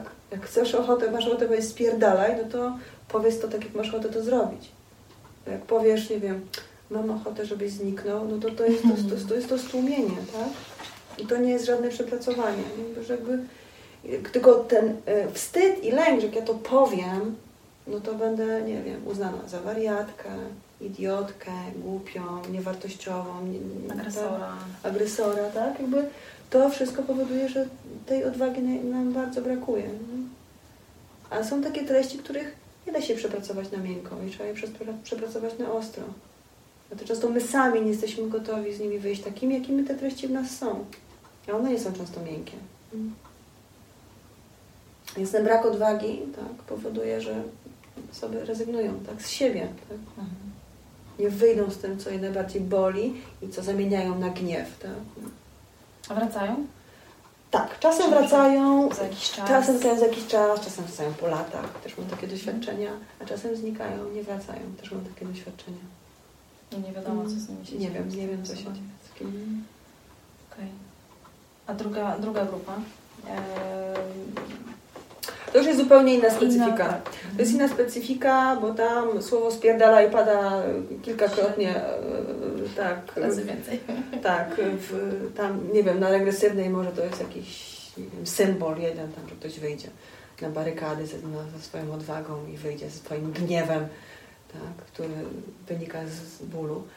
Natomiast na grupie zaawansowanej jakby ten sposób i styl pracy, jakby tutaj nie wchodzimy w regres, tak? Tu pracujemy tylko na relacjach, jakby pracujemy na tych schematach. No? To jakby samej nazwy są destrukcyjne i dysfunkcyjne, więc no wychodzimy z dysfunkcyjnym i destrukcyjnym schematem, który, uwaga, no jakby jest uszkadzający, tak? I my sobie to oglądamy i przerabiamy, porządkujemy w tych bezpiecznych warunkach, zakładając tutaj wszystkie dobre intencje, tak? Bo nie da się przerobić czegoś, czego się nie wyciągnie, tak? Nie możemy się nauczyć w konstruktywny sposób komunikować, jeżeli nie wyjdziemy z tym niekonstruktywnym sposobem, w bezpiecznych warunkach, żeby dopiero można było ten mechanizm tak jakby przepracować, czyli sobie go obejrzeć, przeżyć z tymi emocjami, zaakceptować i dopiero potem włączyć jakby te, te zdrowe elementy y, do, w tym przepracowaniu. Mm. Więc na tej grupie zaawansowanej jakby tak pracujemy nad tą odwagą właśnie. Tak? To jest jakby to jest główny cel, żeby wyjść ze sobą okej, i potem wyjść takim, jakim jestem, czyli okej, bo to wiesz, to jest trochę tak, że każdy tutaj wchodzi z jakąś wizją siebie, nie? czyli z jakąś fasadą narcystyczną. Nie? Mamy jakiś obraz siebie, który mamy wypielęgnowany i tak chcemy być postrzegani. Ale grupa, proces grupowy nie da się oszukać. Tak? To jest jakby najmądrzejsza machina, jaka tu się dzieje, nie? że grupa to wyłapuje. To jest Twoja fasada narcystyczna. Jakby uderzę w nią, żebyś pokazał, kim jesteś naprawdę. I tak w taki sposób to będzie uderzone, że ta osoba jak to? To ty mnie tak postrzegasz? Ja taki wcale nie jestem, albo nie chcę, żebyś mnie takim widział, albo boję się, że możesz mnie takiego zobaczyć. No i to jest taki moment, kiedy ta fasada pęka, tak jakby się pokazuje to prawdziwe i to, i to prawdziwe nim się pokaże, no to najpierw wyleje się dużo gniewu, bólu, potem się lęk pojawia, dopiero potem się wyłoni to, kim rzeczywiście jestem pod tą fasadą. Nie? Więc to, i to jest, to jest też bardzo bolesny proces, tak? jakby ściąganie jakby tych masek swoich, wychodzenie z tych ról, wychodzenie z roli kata, kata klasycznego, kata w uśpieniu, kata ofiary, ofiary wyrafinowanej, klasycznej, tak? Jakby wychodzę z tej roli, nie? tylko pokazuję, kim rzeczywiście jestem. A to jest najtrudniejsza rzecz, nie? Ten, tą wejść, tą bliskość. Ale ta grupa właśnie temu służy, tak? żeby przerabiamy wszystko, jakby te mechanizmy i te nasze fasada, są fasady, która po prostu jest naszą jakąś taką bronią, tak? I takim sposobem radzenia sobie z tym zewnętrznym światem, który przecież nam się też takie zagrażające wydaje, więc musimy być tacy, tak? Czegoś nie możemy pokazać, więc no więc tak yy, yy, tak, to jest taka praca i to jest jeszcze taka praca, jak powiedziałam, to nie jest regresywna praca, tylko to jest taka praca na procesie, która jakby wymaga odwagi, ale też wymaga takiego y, dbania o siebie, w sensie, że jak to mi się dzieje, to z tym wychodzę, jak z tym nie wyjdę, no to wyjdę z bólem głowy, tak? Drugi raz z tym nie wyjdę, wyjdę z bólem głowy, za trzecim razem wyjdę z drzwiami, bo się tak wkurza, że wyjdę z drzwiami, tak? Też takie tu sytuacje się czasem na grupie dzieją, tak? Mamy też taką, tu mamy, tu natomiast mamy w kontrakcie taką zasadę, w której nawet jak wyjdziesz z drzwiami, zawsze możesz wrócić. Tak, taką tu mamy zasadę. Każdy ma takie poczucie, że może tutaj odwalić ten swój schemat, pokazać Mhm. rzeczywiście jakby tą, swój, tą swoją ciemną stronę, ale to zawsze może wrócić, tak? Bo każdy, zakładamy, że każdy z nas ją ma i może z nią tutaj wyjść, tak? Okej, nie będzie łatwo, ale spróbujemy się z tym zmierzyć, żeby to móc potem przekuć w ten konstruktywny sposób i zrozumieć, czemu tak mam. I usłyszeć od grupy, dlaczego i jak oni mnie widzą, nie? Zaczynam, że to jest takie, zaczynam widzieć siebie oczami innych, nie? Bo to, nie, to, że ja mam jakiś obraz siebie, to nie jest mój prawdziwy obraz, nie? To jest ta właśnie moja fasada narcystyczna. Mój prawdziwy obraz jakby się wyłoni poprzez te wszystkie oczy, które tutaj mnie obserwują, nie? I one mi powiedzą. Ja okej, mam jakiś swój obraz, ale też sobie włącza już, też tak jestem postrzegany. To, to jest to też to branie odpowiedzialności takiej ostatecznej, nie? Czyli biorę siebie takim, jakim jestem postrzegany przez innych. Nie? Takiego siebie włączam. To ta, ta, ta grupa ma to na celu. to jest główny cel tej grupy, nie? żeby Mhm. okej, biorę siebie, takiego jak mnie widzą inni. I to włączam. I to wszystko jeszcze dzieje się tak naprawdę oczywiście z Twoim udziałem, ale Ty mm, jakby bardzo dużą przestrzeń zostawiasz ludziom, Tak. a właśnie Mhm. temu procesowi, który się ma odtworzyć, te wszystkie sytuacje, one się tam mają zadziać, bo one są terapeutyczne dla, dla ludzi e, i to jest duży kontrast pomiędzy pierwszą grupą a drugą grupą, kiedy w pierwszej jesteś no jesteś taką Mamą? wspierającą, tak, Mhm. osobą bardzo, e, natomiast w drugiej jesteś już... Wymagającą. Tak, Surową matką jest. tak. Krytyczną, surową matką. To było niebywałe zetknięcie się, niebywały szok e, dla mnie, też dla, dla kolegów w grupie, że no dobra, to gdzie jest ta kojąca, dbająca, wspierająca Ela, Mhm. a tu jest e, po prostu osoba, która no, wystawia mnie niejako e, Mhm. na... Żeby mnie inni krzywdzili. Tak, Mhm. tylko zrozumieć, że to właśnie w tym jest sens i na tym to polega. jest sztuka. To jest, tak, to jest sztuka i to przychodzi Z czasem. Czasem, ale to jest duży kontrast pomiędzy pierwszą a drugą grupą.